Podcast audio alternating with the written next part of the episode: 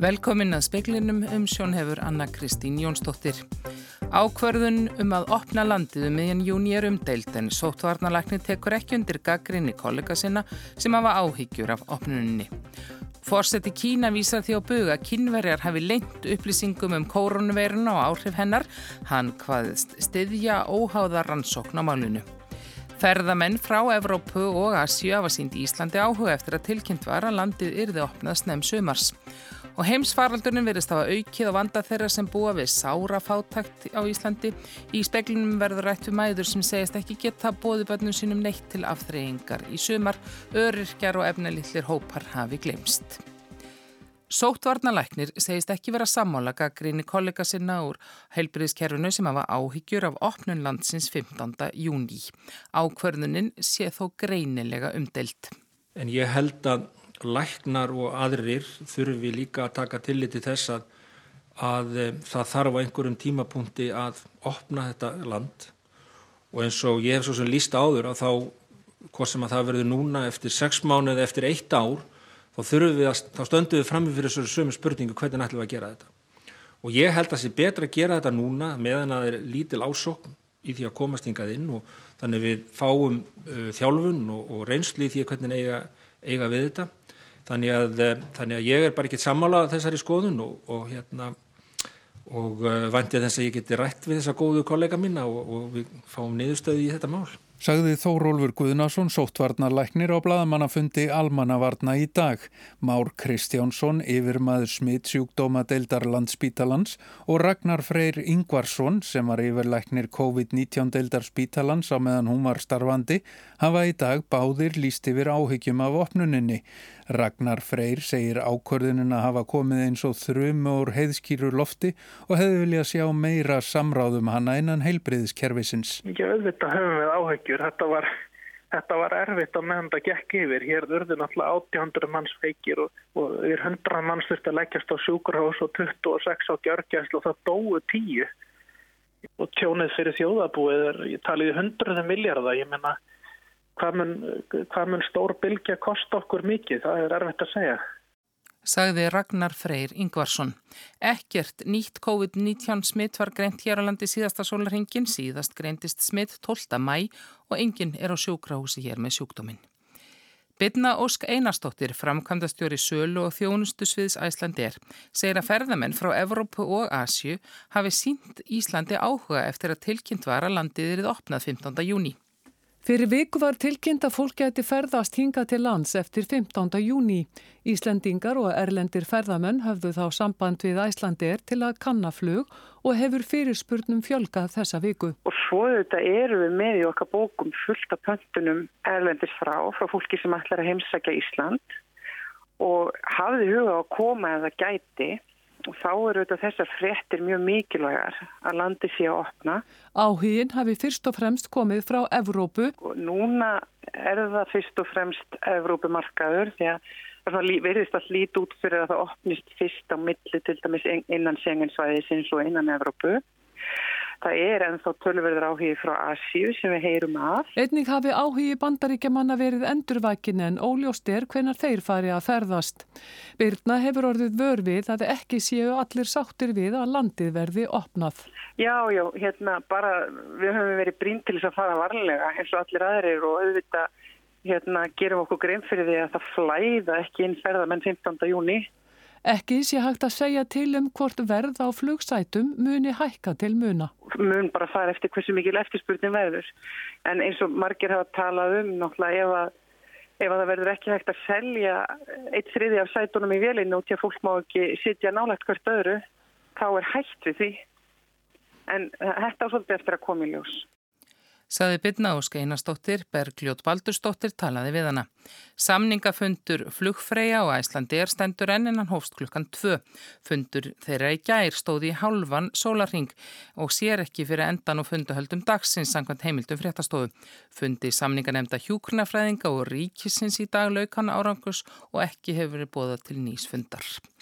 Fyrirtæki sem fá fjármagn úr ríkisjóði til að greiða starfsfólki laun á uppsagnarfresti meg ekki greiða hluthöfum arð í sex ár nema þau endur greiði stuðningin, þau sem nýtar hlutabótaleiðina meg ekki greiða stjórnendum hærri laun en þrjár miljónir á mánuði og ekki greiða arð í þrjú ár.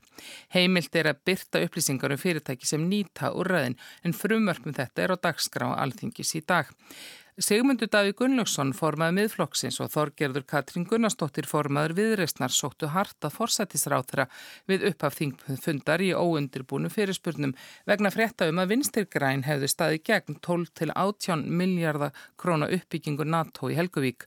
Forsættisráð þeirra vísaði gaggrinni þeirra á bög, engar formlegar viðræður hefðu verið um uppbygginguna. Xi Jinping, fórstiði Kína, segir að kínverjar stiðji óháða rannsókn á því hvort þeir hafi leint upplýsingum um koronaviruna og áhrif hennar á fólk og þeir hafi engu að leina. Þetta kom fram þegar Xi Jinping ávarpaði ársfund alþjóða helbriðistofnunarinnar í dag. Hann vísaði á bug ásökunum stjórnvalda í bandaríkjónum á víðar um að kínverjar hafi leint upplýsingum um uppbruna verunar. Þvertamóti hefðu viðbröð þeirra verið ábyrg og opinská. Engu hefði verið leint. Forsetin sagði að kynverjar stittu að óháður ansókn færi fram á viðbröðum þeirra við verunni þegar tökum hefði verið náð á COVID-19 farsóttinni. Hann sagði kynverjar hefði búin að deila bóluefni gegn koronavirinu með öðrum þjóðum þegar tekist hefði að þróa það og bauð fram 2 miljardar dollara til verksins. Donald Trump bandaríkjaforsetti og Mike Pompeo utanríkis ráð þeirra hafa gengið hardast fram í ásökunum á hendur kynverjum um að leina upplýsingum um veruna. Þeir hafa jáfnframt haldið á lofti samsæriskenningum um að veiran hafi verið búin til í leinilegri rannsóknarstofu í Wuhan í Húbei héradi þar sem veirunar varð fyrst vart í lok síðasta árs. Stjórnvöld í Kína hafa ávalt fullirt að þau hafi delt öllum upplýsingum um veiruna með alþjóðahelbreyðustofnunni og öðrum þjóðum. Ásker Tómasson saði frá. Guðni T.H. Jóhannesson, sitjandi fórseti og Guðmundur Franklín Jónsson skiluðu inn meðmælandalistum í þremur kjördæmum í dag, báðum Reykjavíkur kjördæmunum og Suður kjördæmi vegna fórsetakostninga. Þeir höfðu áður skilað inn listum í Suðu vestur kjördæmi. Axel Pétur Axelsson hafði samband við kjörstjórnir og vísaði á meðmælandalista sína á netinu. Næstu skref yfir kjörstjórna er að fara yfir lista og gefa út vottorð sem skila þarf inn á samt frambóði áður en frambóðsfrestur rennur út næsta lögardag. Kostnaður Haga vegna starfsloka Finns Þórs Átnasonar, forstjóra og Guðmundar Martinssonar framkvæmtastjóra bónus nefnur 314 miljónum króna. Þetta kemur fram í ársrekningi Haga. Hagnaður félagsins fyrir ekstrar árið namn rúmlega 3 miljörðum króna. Framkom í markaðunum sem fylgir frettablaðuna uppsagnafrestur Guðmundar var þrjú ár og finns eitt. Þeir óskuðu báðir sjálfur eftir því að láta af störfum. Hagar var eitt þeirra fyrirtækja sem var gaggrínt fyrir að nýta sér hlutabótaleið en endur greitti allan þann kostnað til vinnumálastofnunar en 36 miljónir króna. Breska söngkonan Vera Lynn varðum helgina elsti tónlistamæðurinn til þess að komast á breska vinsaldalistan með lægi sem hún hljóðritaði fyrst fyrir rúmlega 80 árum.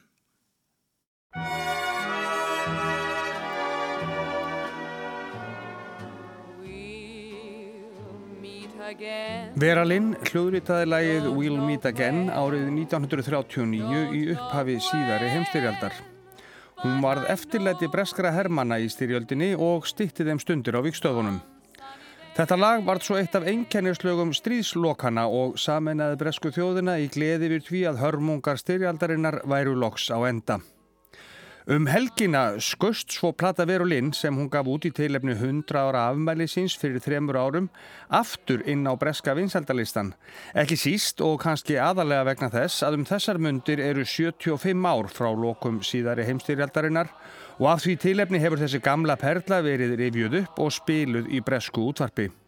Vera Linn er þar með orðin elsti tónlistarmadurinn sem kemur lægi inn á breska vinsaldalistan en hún fagnaði 103 ára afmæli sínu 20. mars.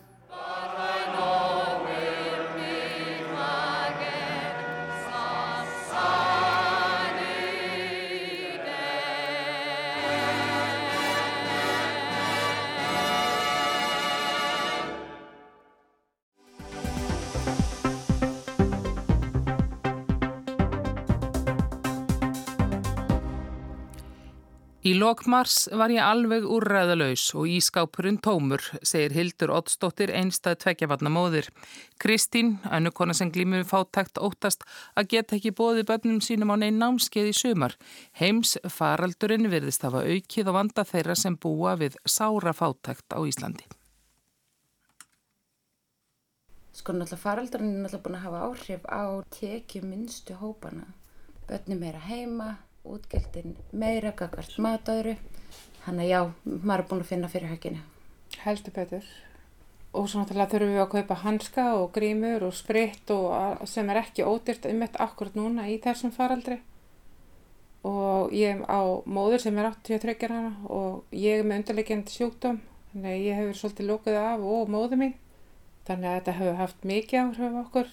Ég minna matarstofnanir sem hafa verið að hjálpa með styrtnefnd og annað ég meina það er búið að vera hlokað og fólk vissi ekkert hvert átt að leita. Og peppi, peppi þurft að vera lokað um tímum fyrir líka. Já, já. Vist, eins og mínu tilfelli stóla ég tvisar að geta farið í mánunum til að dekka upp það sem að vandar. Þannig að maður fann alveg fyrir því til dæmis í mars, sérstaklega í endan mars, að sjá ískapin alveg tóman. Þetta segja Hildur og Kristín. Þær eru báðar einstæðar og búa við fátækt.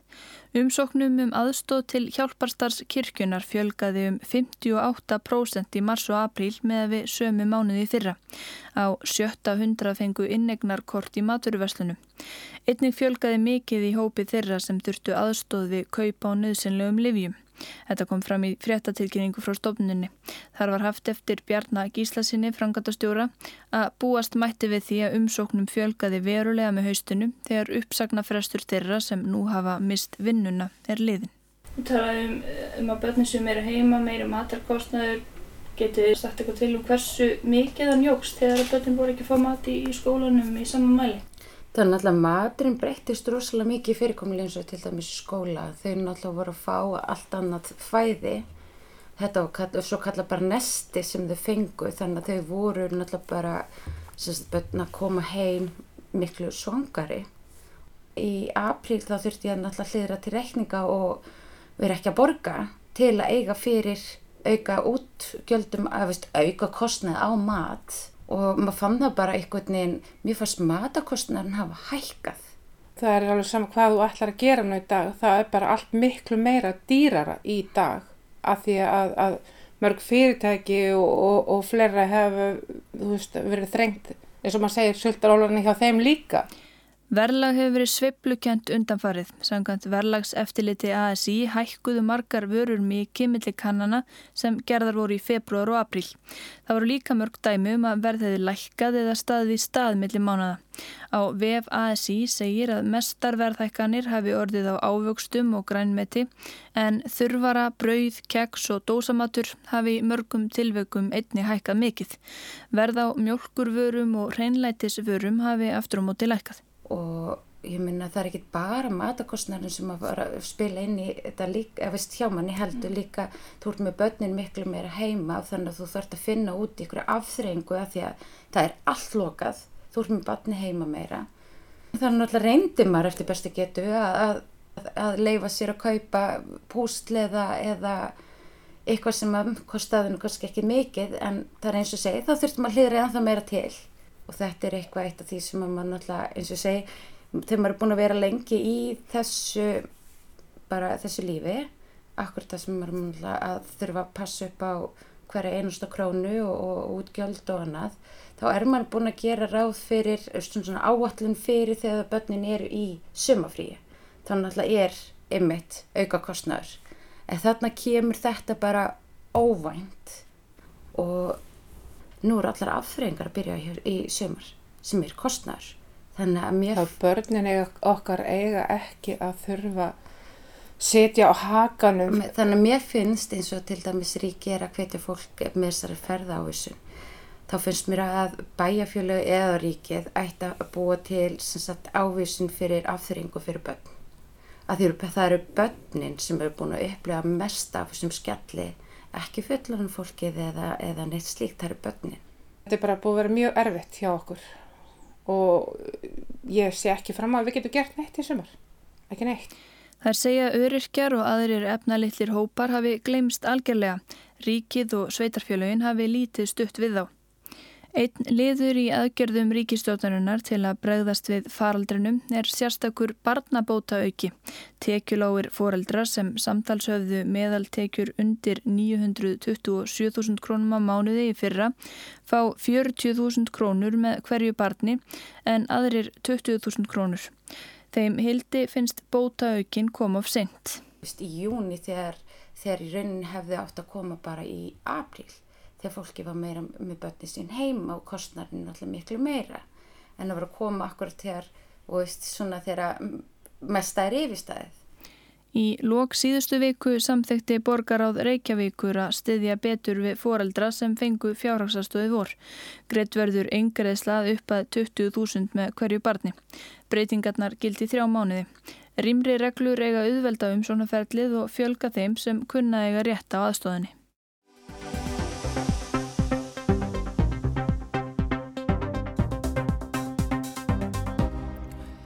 Niðurstaða í atkvæðagreðslu flugmanna um nýjan kjærasamning verður ljós á sama tíma og hluthafundur Æslandi er hefst á föstudaginn. Afstafa flugvirkja til nýs samnings skýrist á miðugudaginn. Það er óvist hvenar flugfreyjur semja en það sitja á samningafundi. Arna Páll Haugsson. Það hefur verið nokkuð óvinnlegt álag síðustu daga á flugstjéttum sem starfa hjá Æslandi er, flugmönnum, flugfreyjum og flugvirkjum. Það er ekki vinnuálag sem er að þjaka þessa hópa, heldur þrýstingur á að þeir geri kjara samninga í snadri til fimm ára. Samninga sem felir sér kjaraskerðingar og virðast að ráða úslitum um hvort Æslandi er heldur vellið ekki. Flugverkjar bröðust fyrstir við og skrifu undir nýjan kjarasamning sem gildir út árið 2025. Samningar þeirra eru reyndar ekki lausir og losna ekki fyrir ennum áramótin. Þeir gerðu samning til eins sás og sásamningur stendur óbreytur fram að áramótum þegar nýji samningurinn tekur við. Atkvaðagreisla stendur yfir um nýja samningin og líkur klukkan 12 á háti á miðugudaginn. Æslandi er lagði fram ákveðnar kröfur um samning og hann byggist á þeim að mestu leiti. Flugvirkjar hafa ekki upplýst hver mikil kjaraskerðingin er. Þeir tala um aukin sveialeika sem feil í sér minni launakostnað fyrir félagið. 302 flugvirkjar að hafa starfa hjá Æslandir, 132 hefur verið sagt upp og eh, náðu þær uppsagnir fram að ganga standa eftir 170 flugvirkjar hjá félaginu. Flugmenn hjá Æslandir skrifu undir nýjan kjærasamning aðfaranóta förstudags. Hann gildir til 30. september 2025. Í fyrra þegar þrengdi að félaginu vegna Max flugvélana samþyktu flugmenn að framleikja samning sem rann út 30. september í fyrra um eitt ár og sömdu frá sér launahækkanir. Samningurinn sem var undirreitur á förstudaginn gildir frá 15. mæ verðan samþyktur. Atkvæðagreisli er hafinn og líkur klukkan fjögur á förstu daginn eða á sama tíma og margum talaður hluta að fundur Æslandi er hefst. Úslitin verða sem sagt ekki kunn fyrir en eftir að fundurinn er hafinn. Flugmenn hafa ekki upplýst hver mikil kjara skerðinga fælst í samningnum en ef maður vinnu framlag fyrir aukist, orlof skerðist og önnur frí. Sérstök helgarfrí sem er eiga að kosta á fjórum sinnum ári falla niður. Þá falla niður greiðslu sem tengjast eldsneitis notkun. Það voru 562 flugmenn hjá Æslandir í haust. Yfir 110 var sagt upp vegna maksvílana í haust og eftir voru 448 þegar farsótin braust út. Nær öllum var sagt upp um daginn, 25 flugmunum var ekki sagt upp. En það veit engin hvernig flugið þróast á næstunni hjá Æslandir. Það er þó smáglætað því 30% af flugflótunum eða um 8 vélar eru að fljúa þessa stundina með fisk bæði til Bandaríkina og Belgíum. Um uh, nýju flugferði til Boston á viku og 11 ferðir á viku til Leeds í Belgíum. Þá eru nokkrar velar í Kínaflýju sem flytur lækningavörur fyrir þýska fyrirtæki DB Schenker til Evrópu og Bandaríkjana. Velarnar flyt í auknum mæli grænmeti frá Bandaríkjanum og ímsan varning frá Belgíu til Íslands. Nú eru bundar vonu við að kínverjar heimil á nýja leikflutning á ferskum fiski, aðalega lagsi, til Kína. Það myndi því að velarnar færi til Kína lestaðara lagsi og lækningavörum tilbaka. Utaríkisraðniti hefur liðsind æslandir í þessu málum og kýmverska sendiráði björstustu vonir gera ráð fyrir að svör berist frá kýmverum á næstu dögum. En þá eftir að semja við flugfreyjur. Langur sáttafundur var haldin í gær og í dag var aftur sest við samningaborðið. Það hefur gengið hægtan á samkómulagi vegna þess að flugfreyjur er ekki tilbúinur að semja um þær kjaraskerðingar sem þær telja að felist í Íslandi er. Það er meta skerðingarnar á alltaf 40%. Viðraðunar er á viðkvæmu stíginn. Þrýstingurinn eikst á að semja fyrir hlutafundin sem haldin verður á förstudaginn og áherslega lögð á að það líki fyrir samningar við flugstjéttina þrjár. Æslandir sagði röskluða 2000 starfsmönnum upp fyrir síðustu mánámót. Í þeim hópi var þorri allra flugfræja hjá félaginu eðum 95% þeirra. Eftir eru rúmlega 40 flugfræjur og þjónar. Byggðastofnun byrti nýlega samantekt um áhrif hruns í ferðarþjónust á sveitarfélög. Meðal þeirra sem verða hardast úti eru þrjú sveitarfélög suðu með sjó, Reykjanesbær, Suðunesjabær og Vogar. Í samantektinni kemur skýrt fram að óvissan er mikil og fjölda spurninga ósvarað. Farsóttin hefur áhrif á ferðahegðun og verður það til lengri eða skemmri tíma. Hvað verður um útlendinga sem hafa komið hinga til starfa sem nú eru horfin, faraðir úr landi eða verða hér áfram? Það er flest frekar óljóst.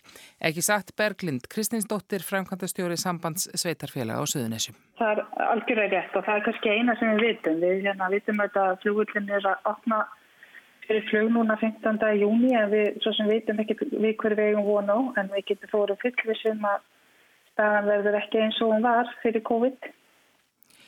Gefur þetta líka auga leið að á erfiðum tímum samlega því að það verður samdráttur í tekjum á mörgum vikstöðum að þá er kannski krafan um aukna þjónustu líka?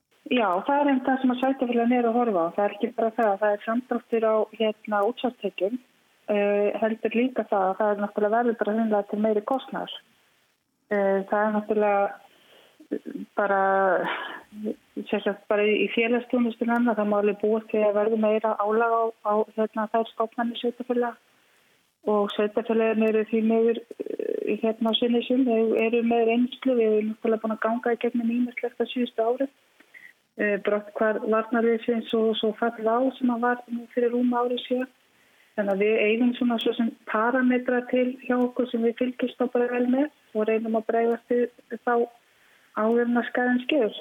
Eru þið fann að finna fyrir aukinni sók í þjónustunni? Nei, í rauninni kannski ekki þannig lagað en það sem við óttist náttúrulega mest er það að e, fólk er á hlutabóta leiðinni. Það eru hérna, fólk er ekki búið að missa vinnuna eins og er.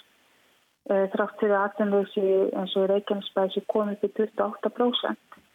Þá er fólk á hlutabótalegin þannig að það heldur náttúrulega þó leinin sínum ykkur tíma en við náttúrulega erum bara mjög uppgandi við stöðunni hvernig þetta verður í höst. Berglind segir að haustið geti orðið erfitt þó hún vil ekki ganga svo langt að segja að sveitarfjölu geti þá ekki synd lögbundinni þjónustu en ríkið verði að koma einhver leiti til móts við tekjutab sveitarfjölagana.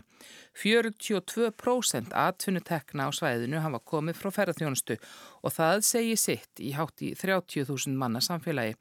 Hún er ekki vongóðum að innanlandsmarkaður skili miklu inn á Reykjaneskaga í sumar. Það er nefnilega var að koma ný könnun um það og við sjáum það að það er einhvers 5% landsmann sem ætla að ferðast um Reykjanes í sömar og til hérna svo við leggjum við það 13% íbúið sem ætla að fara á miðhálandi. Eh, Reykjanes er náttúrulega frábær útveðstaparadís og með mjög góða þjónustu sem er meðlans fælst í söfnum og sundlegum og góðum tjálstæðum og frábæru veitingastöðum og fyrir utan bara stórbrotna og ægifæra náttúru sem að býður hérna bara í klukkutíma frá höfðborgarsvæðinu. Þannig að ég vil nú bara líka tækifæri til að hveti alla til að, heim, að sækja okkur heim. Fjármag sem fegst í sóknar áöllun ríkisins fer allt í markaðsetning á svæðinu í samstarfi við ferðarþjóna og Berglind er þrátt fyrir allt bjart sín. Það hefur oft gefið á bátinn hjá okkur hérna sögnisumönnum og við bara höfum bara staðið okkur margar öldun og ég bara alltaf leiði með það og ég sé engan ástæðu til þess að vera annars en að vera björnstum.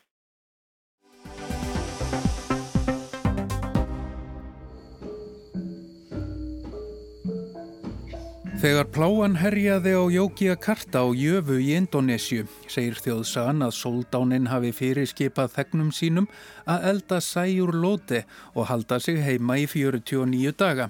Það virkaði þá og hefur oft virkað síðan en á ný hefur verið gripið til þessa ráðs í COVID-faraldrinum að fyrirskipan sóldánsins sem ennræður ríkjum í Jókiakarta. Sæjur Lóte er einfaldur grænmeitis karriréttur með sjö likil hráefnum í sterk kryttuðum kókosmjölku grunni. Næringafræðingar segja þetta kjörin rétt fyrir sótkví, hann er næringaríkur og heimaræktuður ráefni sem allir ættu að hafa við höndina. Sumir vilja reyndar bæta í uppskriftina galangal sem hefur bólgueiðandi eiginleika.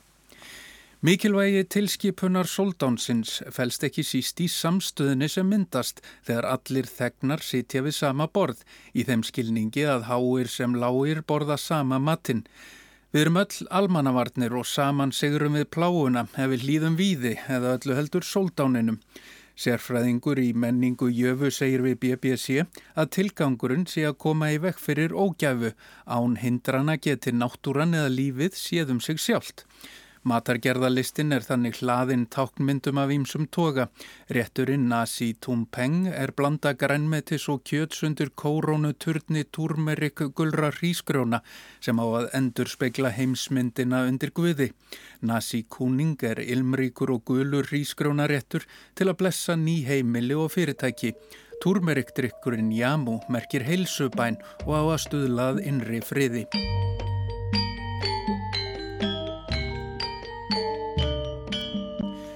Pláurétturinn góði, sæjur loti, er ekki síður táknum hlaðin og líkil ráefnin gegna það ríkulegu hlutverki. Þau eru melinjó sem er ólífu líkur ávöxtur, melinjó lauf, tsajóte sem innir á graskir, grænar bönir í belgnum, eggaldin, saðningaraldin og tempe. Eggaldin merkir að vekja til meðvitundar, nafn grænubönana táknar blessun og samanmynda ráefnin í sæjurlóti eins konar töfra þölu. Matreðslan er nokkur konar helgi síður og markmiðið er að verjast hinnu ítla.